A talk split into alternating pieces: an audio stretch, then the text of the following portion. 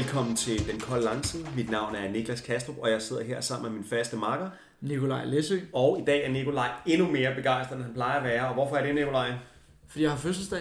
Ja, og hvad er det, der lige er foregået på øh, Grønsværen over i, Ah. øh, på sydkysten i England? Ja, man skal lige have prioriteterne i orden. Lige præcis. øh, Cavani han lavede jo et øh, hovedstødsmål i overtiden øh, mod Southampton, som gjorde, at vi øh, i øh, Ole Gunnar Solskjaer time vinder 3-2 over Southampton. altså, det er jo tilbage til de gode gamle dage med, øh, med Ferguson ved roret, hvor at man er bagud 2-0 ved halvleg og ender med at hive en sejr hjem ja. i det øh, anden tredje øh, tillægsminut. Ja, ved hjælp af diverse strikers, såsom for eksempel Solskjaer eller Chicharito, ikke? Jo, og vi må bare sige, at Cavani, han ligner altså en mand, der i den grad er i topform, og han ligner mere en angriber på 28, end han ligner en på 33. Ja, eller yngre, fordi, jamen, som jeg også lige sagde til dig, at altså, det er jo kun i elitesport, at man taxerer en mand på 33 til at være gammel og i fordav, ikke? Enig. Og det er jo ikke tilfældet for, for Cavani, altså. Bestemt ikke, og han er, altså, han er endnu mere snu, end han nogensinde har været, og han er fuldstændig i lige så fysisk topform, som han altid har været. Altså, der er ingen tvivl om, at han er en af de her spillere, som har passet ekstremt godt på sig selv. Mm. Øh, hvis man kigger på, i hvert fald hvis man kigger på hans kropsbygning, mm. øh, så er der selvfølgelig alle mulige faktorer, der kan spille ind, men lige præcis det her tror jeg er noget, som er rigtig svært at fake. Øh, og han ligner bare altså en, øh, altså, øh, hvad hedder sådan en, øh, Action Man. Ja, nærmest, hvad fanden er det? Adonis. Adonis. Det var det ord, jeg var det på. Øh, altså fuldstændig skrællet og, øh, og har overblik over hele banen, og det er også ham, der lægger op til Brunos mål, ikke? Jo jo, han er jo direkte involveret i alle tre kasser. Jeg synes, det andet mål, han, eller nej, det første mål, han laver, der hvor at Bruno skyder, og han så på bagstolpen, Cavani hætter den ind, hvor han sådan tager de der 2-3 meters løb ind i feltet, altså ind i hjertet af feltet, for at være der, når bolden måske kommer. Mm. Det er jo sådan spot ovenpå, hvad en nier skal, og hvad en, nier, en god nier kan gøre. Præcis, og det der med, at han opsnuser chancen, eller han opsnuser en potentiel chance, Ja, præcis. halvanden, to, tre sekunder før den reelt opstår. Ja, det synes jeg, det er, jeg var meget, meget imponeret over at se ham spille. En anden spiller, jeg også bider mærke i, Nikolaj, det er jo min, øh, en af mine personlige favoritter, Donny van de Beek. Donny van de Beek. som skiller sig fornuftigt af med bolden hver gang, har nogle super fornuftige korte pasninger og har nogle virkelig ekvilibristiske sideskift, der åbner banen, især til sidst i kampen, da Tottenham begynder, øh, undskyld, da Southampton stille og roligt begynder at bevæge sig fremad, mm. øh, har han nogle, nogle pasninger, som, som åbner spillet, og jeg tror, når de møder modstandere, hvor at det er mere åben slagudveksling, der er han altså en af de spillere, der bliver guld værd for United. Han spiller sig på i dag, som jeg ser det. Ja, igen i dag, fordi han var også rigtig, rigtig god i første halvleg mod Basak Shahir, ikke? Øhm, men jeg synes, altså det der du siger med, at han øh, nogle gange åbner spillet op ved at lave en diagonalpasning i det område, der er frit. Dem laver han netop et par stykker af der i overtiden, og det er jo med til at gøre, at United ikke kommer under pres de sidste tre minutter efter, de har scoret. Det der med, at du holder fast i bolden, og du får flyttet øh, hvad hedder den, bolden til et nyt sted på banen, og så stadigvæk har den. Ikke? Han, han, det, han skiller sig klogt af med den, han tæmmer den godt altid. Det det er aldrig sådan fandango-agtigt, føler jeg. Det er mere bare sådan, ja, han var lige der, jeg spiller lige der, får den måske tilbage, spiller den af igen videre. Det er bare... Det er fint. Mm. Altså, der, det er jo sjovt, de der, nogle af de der ting, der sker. Altså, Cavani ændrer jo kampens udtryk, men der sker, det virker også til, at der sker en ændring på United-holdet, i det Henderson kommer ind. Altså, der er en mere, der er en større fan i voldsked, der det starter siger dernede du i fra. hvert fald. siger jeg, ja. ja. Øh, og så er jeg med på, at, at du måske ikke er... Eller at, at det her har så meget kvalitet, at det kan man heller ikke fornægte. Jeg ved, jeg kan bare ikke lade være at tænke på, at hvis, at hvis det var mig, der sad og træffede beslutningerne, ved jeg godt, hvad jeg ville prioritere ud af de to ting, så kan det godt- være, at Henderson måske er en 10 eller 15 eller 20 procent dårligere målmand end De Gea er. Det er muligt. Og det er alligevel mange procent, ikke? Men, men ja. Men det mentalitetsmæssigt er han i min verden foran. Mm. Og det betyder så meget. Altså, jeg, jeg vil da gerne se et kamera på Henderson i anden halvleg, der bare fulgte ham, for at se, hvor meget han, så at sige, spiller med. Øh, og så lave en sammenligning til De Gea, mm. en til en på de to halvleje. Det vil jeg da gerne se. Jeg, jeg tror bare ikke, at, og det tror jeg heller ikke, du siger, at der er direkte kausalitet mellem Hendersons indskiftning og Uniteds øh, sejr og være bagud, da han kommer ind.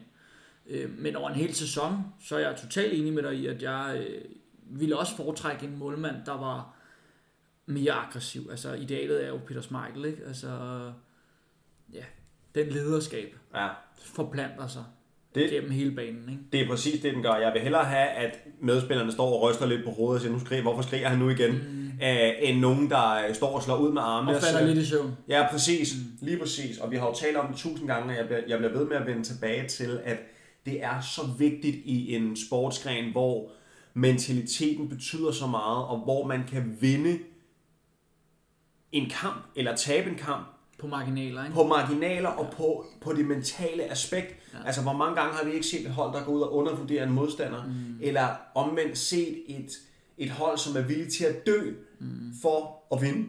Om FC København Randers forleden. Ja, for eksempel. 1-2, ikke? De er selvfølgelig også nede i kulkælderen FCK, og der er mange ting, der lige, øh, hvad skal jeg sige, strider på mig i forhold til, hvad der foregår lige nu. Men øh, de skal jo gerne tage Randers alligevel, ikke? Det skal de helt bestemt, og, og når man, hvis vi bare lige tager den vinkel på det, et hold, som, øh, som stort set spillede lige op med Manchester United for, mm. øh, Ja, men for hvad er det, seks, seks måneder siden? fem måneder siden, det var jo i, det var i september, det, eller august. Altså, hvad er det? Tre måneder siden? Mm. Øh, som slog Celtic ud, som så slog Başakşehir herud. Mm. Det, det er spillere, som, som spiller for spiller er lysår foran Randers, men der er altså en eller anden mental film, der er knækket. Ja. Og nu læser jeg et interview med Bøjlesen i dag, hvor han siger, at, at kæden for, for ham hopper af, og Ståle begynder bare at stå og slynge nogle ting ud, som ikke er konstruktivt, hverken på den korte eller lange bane. Og det forstår jeg sådan set udmærket godt. Øhm, og jeg tror, eller min, hvad kan man sige, det jeg ligesom læser ud af det, der er sket, det er, at Ståle har altid haft en, øh, en, en hård lederstil. Det virker det til i hvert fald. Det virker det udadtil, og, og jeg tror også, det er den person, han er. Han er jeg tror også, han er en krævende person. Ja. Og, og uden sammenligning i øvrigt, så var det lidt det samme, vi så med Sorniger, hvor at det er rigtig godt, så længe resultaterne er der. Men der skal ikke ret meget slinger til, mm. før at spillerne begynder at tvivle på sig selv. Så må man jo sige, hvis man laver den sammenligning, at der har Ståle så haft et langt højere niveau end Sorniger så. Fordi det har jo virket har i de fleste af 10 år, ikke? Mm. Så altså, man kan lave mange karakterudtalelser om Ståle Solbakken.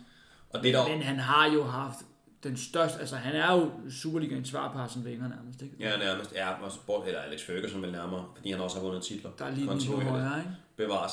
uh, men det der også er forskellen, det er jo, at der hvor han så, altså i de sæsoner, der har været genopbygningssæsoner, jeg tror det var, var det 9-10, uh, der var en decideret genopbygningssæson. Der har været et par af dem, hvor der har været de der udrensninger, så Yes, sige. præcis. Men det er jo, der er jo nogle af sæsonerne, hvor de er endt med allerede derefter at, at vinde trofæet alligevel. Yes, altså, men der har de været rigtig gode til at kommunikere, at det her nu det er altså en udrensningssæson, og nu er vi med på, at, at det kommer ikke lige til mm. at, øh, at blive mesterskabssæson det her. Der- Jeg hørte en, øh, en anden, den, en, den eneste anden podcast, jeg hører om fodbold, øh, Fjelles fodboldfjold, de øh, havde Thomas Christensen, øh, den gamle FC TK, ja. ja, i, i studiet og tale lidt blandt andet om hans tur i Australien og hvad der ellers hører til, men også om FC København. Og den sæson, han nævnte nemlig det her, den sæson han kommer til, jeg husker det som om han sagde 9-10, mm. eller også var det 8-9. Der var øh, mange store, blandt andet Gravgaard Hangeland lige blevet solgt. Mm. Øh, jeg mindes også, han sagde Albæk for eksempel. Ikke? Øh, og de skulle nu ind og erstatte, og dem, der blev hentet, var, var Peter Larsson fra Helsingborg, husker jeg det som. Det var TK, og så var det Cesar Santin, som kom fra Kalmar, mener jeg, øh, som var et pænt navn i Sverige, altså Santin, men stadigvæk skulle, altså det var ikke som at hente en døje hjem, vel? Mm. Øhm, og der var det faktisk meningen, det, eller der var en sandsynlighed for, at det kunne blive en mellemsæson, eller i hvert fald en sæson, hvor man måtte afvige fra at vinde mesterskabet. Ja. De vandt det dobbelt. ja, okay. Og det er jo så meget interessant, men sådan har det jo ikke altid været. Apropos det, Ja, Øh, hvem er den mest, succesrige, suc- mest succesrige øh, målmand i FC Københavns historie, baseret på øh, øh, kampe i forhold til clean sheets?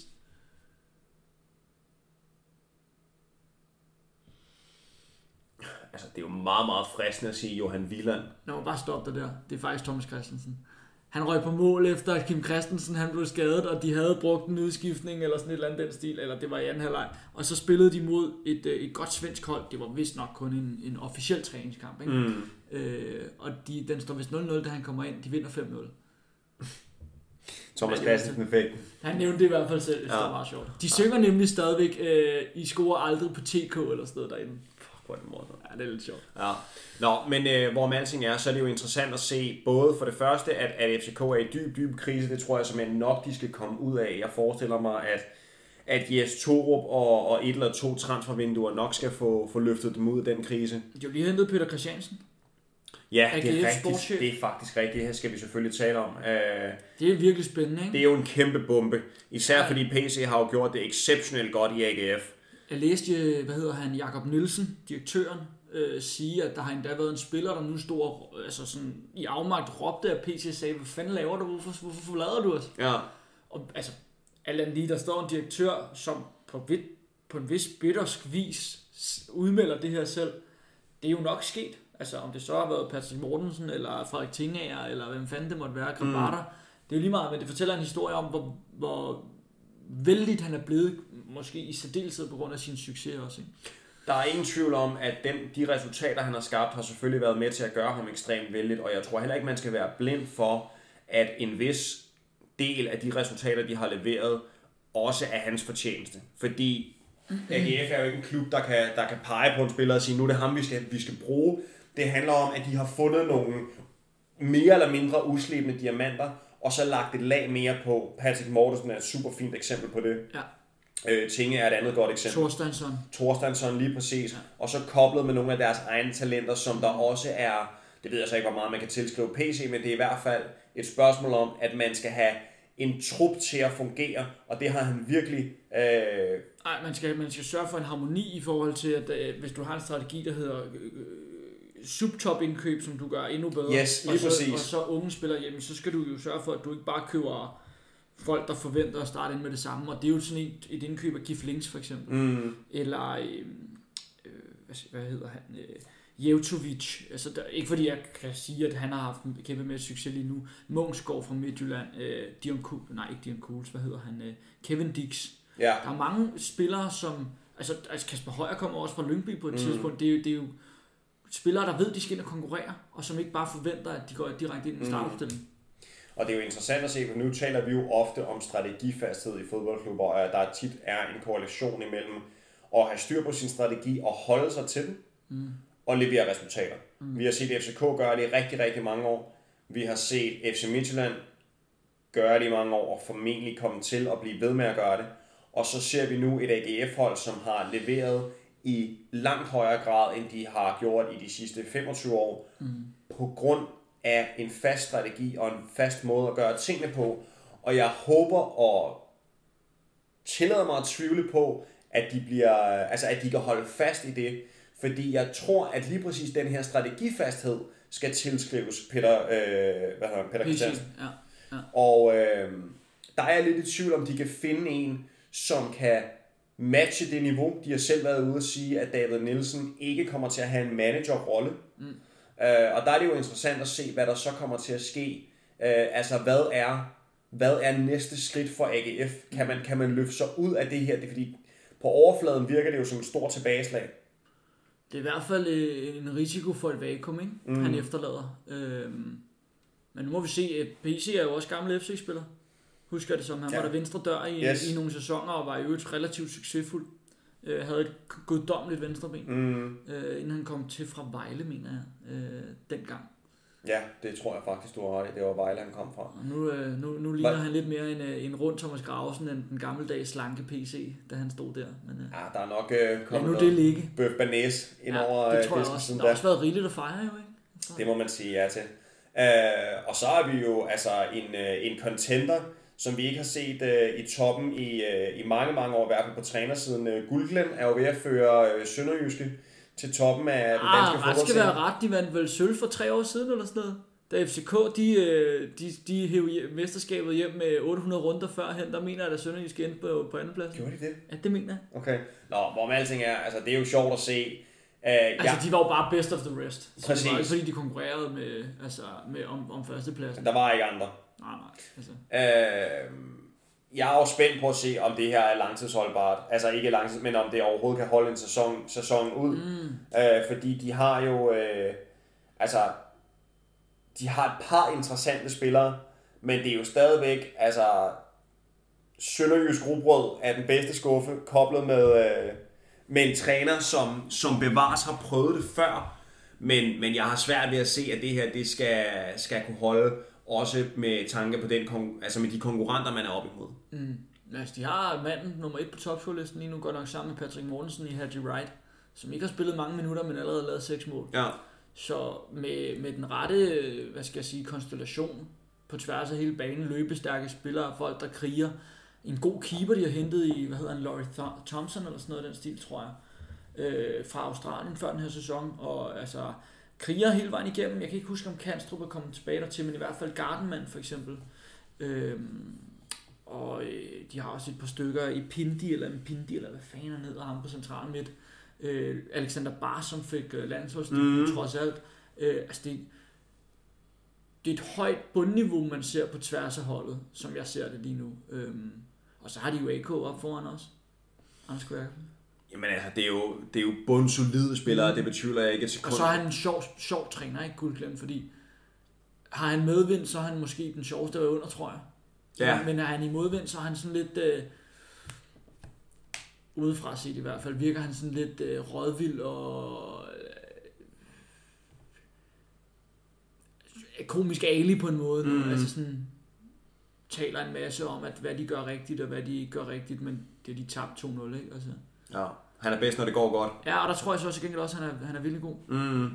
Det kan, den præmis køber jeg som udgangspunkt øh, sagtens. Altså, og der, er der, jo, der må vi jo bare også erkende, at der også er nogle trænere, som simpelthen er bedre i modvind.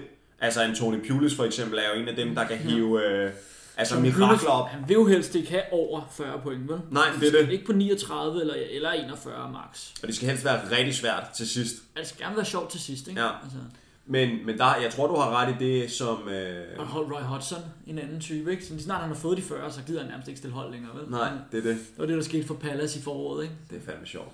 Ja, det er lidt- Øh, men jeg tror ikke, at Sønderjyske vinder guld, men jeg tror godt, at de kan blande sig der, hvor det er rigtig sjovt til sidst stadigvæk.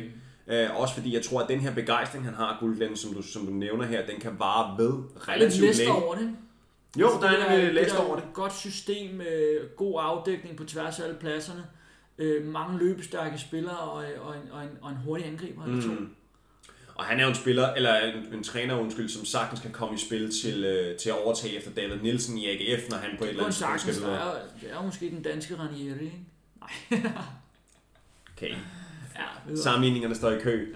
Ja. Øh, en anden træner, som har prøvet at vinde guld før, Nikolaj, det er Jose Mourinho. Mm-hmm. Og han er jo tilbage til Jose Mourinho Classic, øh, da han bliver stillet spørgsmålet efter City-kampen, hvor han siger, øh, eller han bliver spurgt om, siger, altså, City havde øh, 80 procent.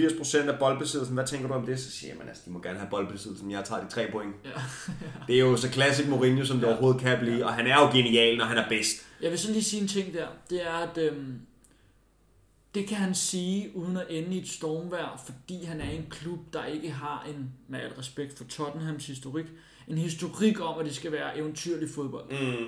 Det kunne han ikke tillade sig at sige i United, det der.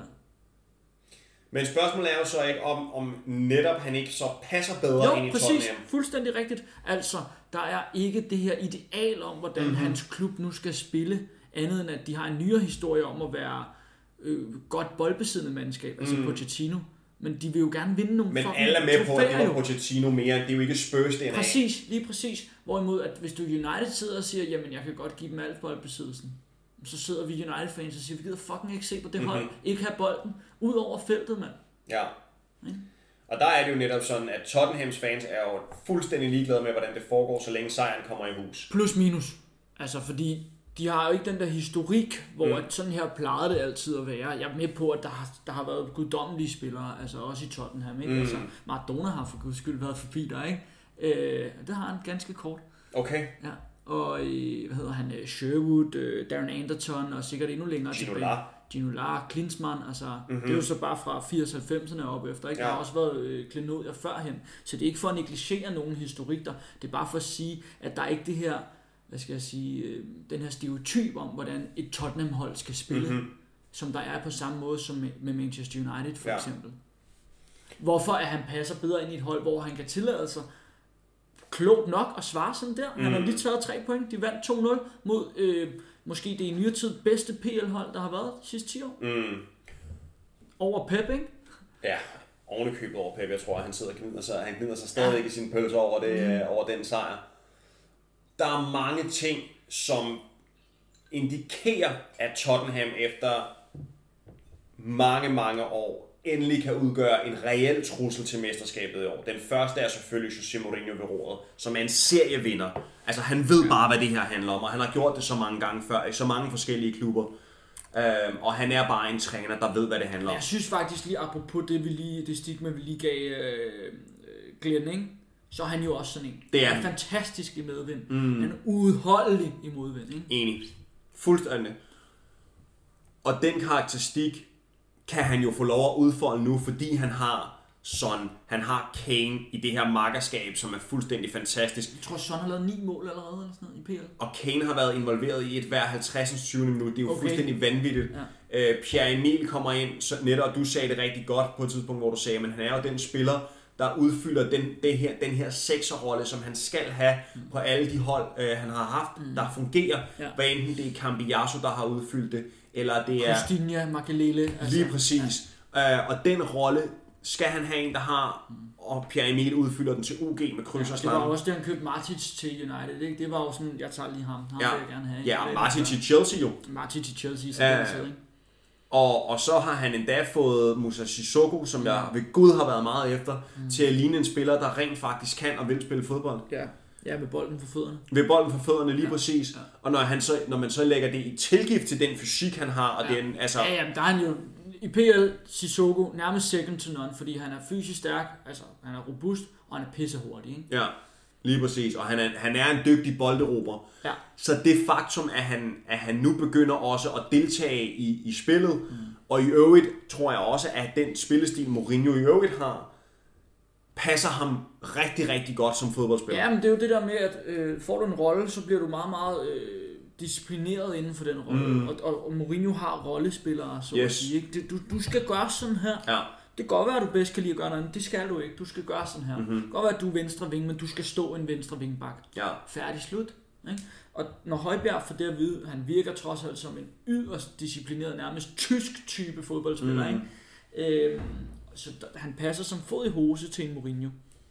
Det gør han. Og så er der netop krydder med de her stjerner, plus at der er et par spillere, som også øh, lige løfter sig et ekstra niveau. En spiller som Tanguy Ndombele for eksempel, Ja, som nu endelig. begynder stille og roligt og, og vise nogle gode takter. Ikke? Ja, jo, jo, endelig. Og så har du han jo spillere, der stadigvæk er på stadigvæk trods alt har et par år på toppen af deres karriere tilbage, som stadigvæk også er sultne, fordi mm. de ikke har vundet endnu her i særdeleshed Kane og sådan. Ikke? Mm. Og det er jo spændende. Og så er der jo altså nedefra, at eller når han i særdeleshed får sat forsvaret virkelig godt sammen. Altså jeg, jeg, jeg må stadigvæk sige, at jeg er lidt lunken ved Eric Dyer. Jeg synes ikke, han er hurtig nok, for eksempel. Mm. Når det så er sagt, Maguire går ud på det samme, og hvis han kan have samme ledertype og egenskaber der, så er det jo, så er det jo et valg, man tager. Ikke? Mm. Øhm, Joe Roden har han fået ind fra øh, Cardiff, mener jeg, eller Swansea, Swansea tror jeg faktisk, det var i hvert fald et valisisk klub, øh, som vist nok starter ind i dag mod Chelsea.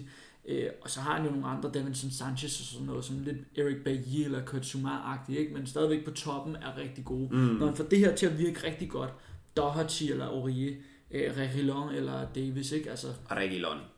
er det ikke Reguilon? Ja, whatever. Men uanset, det, det var ikke det, jeg ville ind på. Det, jeg ville Nå, ind på okay. var, at det bliver altid Reguilon før Davis. Ja, jeg er enig. Det var mere for at sige, at øh, det kan også, indtil videre det også vise sig at være Doherty før Aurier, mm. men der er jo stadigvæk den her sådan, altså når du har to nogenlunde lige gode spillere på hver plads, så får du en konkurrence, hvor, den, Yes. hvor begge bliver løftet. Ikke? Yes.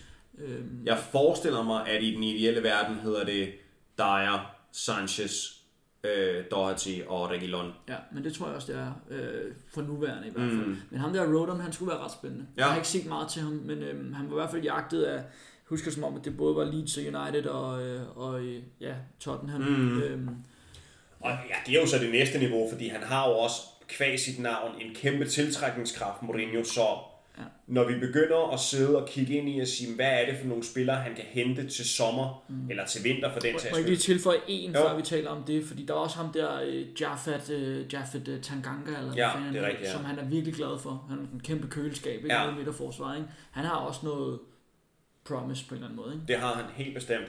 Ja, så er der det faktum, at en Gareth Bale, Ja, ja, 100. hvis han kan, altså jeg, jeg ved ikke, hvilket niveau han kan finde tilbage til Permanent. permanent, men vi kan jo, vi kan jo konstatere, at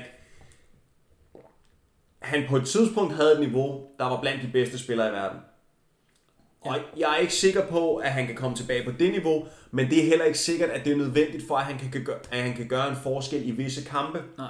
Og det er netop det her, som de har nu, som jeg ikke synes, de har haft tidligere. De har nogle spillere, noget bredde i en Gareth Bale, i en Vinicius, som også er, kan, ja, kan aflaste. Bergwijn, Lamela, Berg, præcis. Altså, Det er spillere, som når du, når du kigger Lucas, over en hel altså. Premier League-sæson, så har du bare brug for, at der er nogle spillere, som kan aflaste. ikke? Apropos øh, klassiske Mourinho-trupper, så har der ofte været fire nogenlunde lige gode kantspillere, som veksler frem og tilbage. Mhm. Mm-hmm. Startende, ja, Porto var lidt anderledes på grund af diamantformationen, men ellers med Chelsea, hvor han, øh, han starter vel nærmest med at hente øh, Robben og Duff, og der var Joe Cole, og så var der en, en fjerde også, ikke? Øh, så, Så. så.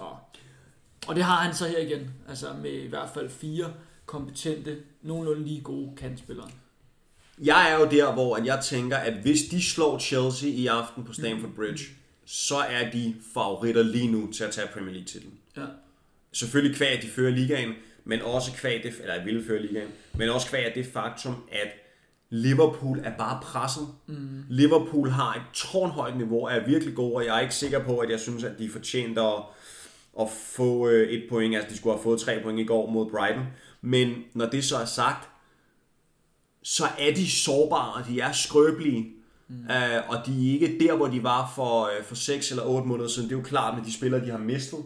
Uh, Chelsea har købt rigtig mange spillere ind. Der er stadigvæk, det kræver stadigvæk lidt at få det til at, uh, at blive integreret. City har allerede smidt for mange point. Ja, Øh, det virker det i hvert fald til, at de er alt for ustabile. Ja. Altså, og deres topniveau er måske heller ikke helt, hvad det plejer at være. Og så har vi, øh, så har vi et Manchester United hold, som med, med hiv og sving for hedde nogle rigtig fine sejre hjem. Ja. Jeg er ikke sikker på, at de er mesterskabsmateriale lige nu. Nej, jeg synes også, altså offensivt ser det jo rigtig spændende ud, og Bruno, han, selvom han spiller dårligt, han spiller faktisk ikke særlig godt mod Southampton mm. i dag, så er han stadigvæk kampafgørende ofte. Øh, men forsvarsmæssigt, så har vi bare de der, altså min gamle træner ville have kaldt det børnesygdomme, men, men, men altså, det virker jo helt håbløst, hvordan en Wan Bissaka nogle gange dækker op, eller en Derrea går ned til en bold, eller en Maguire bare bliver rundet, ikke? Mm. Og dem er der bare i hver anden eller tredje kamp. Ja. Så kan, du, så, kan du være, så kan du være nok så god fremad, eller være nok så god med bolden, men hvis du, hvis du øh, åbner, ja, personlige fejl nedefra, så, øh, så er det svært at vinde mesterskaber i hvert fald. Det er det. Det er lige præcis ja. det. Og det kan jo sagtens være, at han kan få ryddet ud i det, Solskjaer hen over sæsonen. Altså, jeg, bare, bare lige, lad mig lige dvæle lidt ved det, fordi han, jeg synes stadigvæk, han kommunikerer rigtig godt, Solskjaer. Det var i virkeligheden en af de ting, som jeg var vildest med ham for i starten. Mm, og den kvalitet, synes jeg, han har bibeholdt. Altså det her med, hvor han i dag er ude og sige, der er altså mange lovende takter. Øh, vi kigger i den rigtige retning. Alt hvad jeg gør, gør jeg for holdets bedste, og det er United, det handler om. Det er ikke mig. Han er jo ekstremt selvudslættende nærmest øh, i sin trænergærning. Og det tror jeg er det, som United har brug for. Og så er det jo også der, at de har en kamp i hånden i forhold til de andre lige nu, og vinder de den, så ligger de altså nummer tre. Ja, altså lige on point med det der med kommunikation for Solskjaer, så er det jo fordi, altså hvorfor du, eller hvorfor jeg også kan støtte op om at kunne lide det, det er det der med, at det fjerner jo, eller i hvert fald så minimerer det sandsynligheden for, at det skal føles rodet det hele. Mm-hmm. Og det var jo noget af det, som Mourinho var, apropos det der med at være en modvindstræner, ikke? eller ikke at være det, han var så dårlig til at fjerne fokus fra det dårlige, der var i klubben, mm-hmm. eller det dårlige, der var på holdet lige nu. Hvor Solskjaer forsøger at få det negative væk fra holdet, han beskytter lidt truppen på den. Ikke? Ja. Det er meget, meget sjældent, hvis overhovedet man har hørt Solskjaer være ude og sige noget med, at højre bakken kan ikke dække op, eller øh, venstrefløjen er ikke farlig nok, eller angriberne scorer ikke nok mål, eller et eller andet, og jeg også specifikt udpeger nogen. Ikke? Mm. Det bliver mere sådan en holdting, og vi skal i gang med at lære det, eller et eller andet. Ja. Og det flytter, altså jeg, jeg er jo ikke sådan en, altså jeg er jo ikke sådan, at jeg tænker, at enhver træner skal nærmest fremstå jubelidiotisk eller naiv eller noget i den stil, men han skal i hvert fald forsøge at skabe en så gnidningsfri periode for spillerne at lære i, altså tillære et system, eller til at forstå en, en mentalitet og sådan noget, uden pres fra yderlighed, altså, øh, hvad hedder det, ydre, frem, øh, ydre pres. Mm. Øhm, og der er han virkelig, virkelig klog, synes jeg. Altså, den effekt er god. Meget, meget enig. Er vi der, hvor vi kalder det her for en kort podcast, og så... Øh, Vi kan vel få et bud fra dig på, hvordan øh, Chelsea-Tottenham, er det, ikke, er det på Stamford Bridge, eller Ja. er det på øh, White Hart Lane? jeg er ret sikker på, det er på Stamford Bridge. Eller White Hart Lane, det er i hvert fald ikke på White Hart Lane, kan man sige. Det er, Nej, det er det. Tottenham Stadium, som det jo hedder nu. Hvad bliver den? Jeg tror, at det bliver en tæt kamp. Jeg tror faktisk, det bliver en underholdende kamp. Øh, jeg tror, at øh, Tottenham hiver en 3-2 sejr i land. Hold da op, så mange mål. Ja. Mov ude mod Lampard. Tror Meget han, jeg tror, det, han, ja, det vil jeg sige. Men det bliver åben slagudveksling. Tidlig mål til Chelsea, og så skal Tottenham jagte. Jeg tror helt modsat. Det der, det bliver max en 1-1'er. Øh, muligvis en 1-0 sejr til et af holdene. Og med de ord er det blevet tid til at lukke den kolde langsid for denne gang. Tusind tak, fordi du lyttede med. Vi høres ved.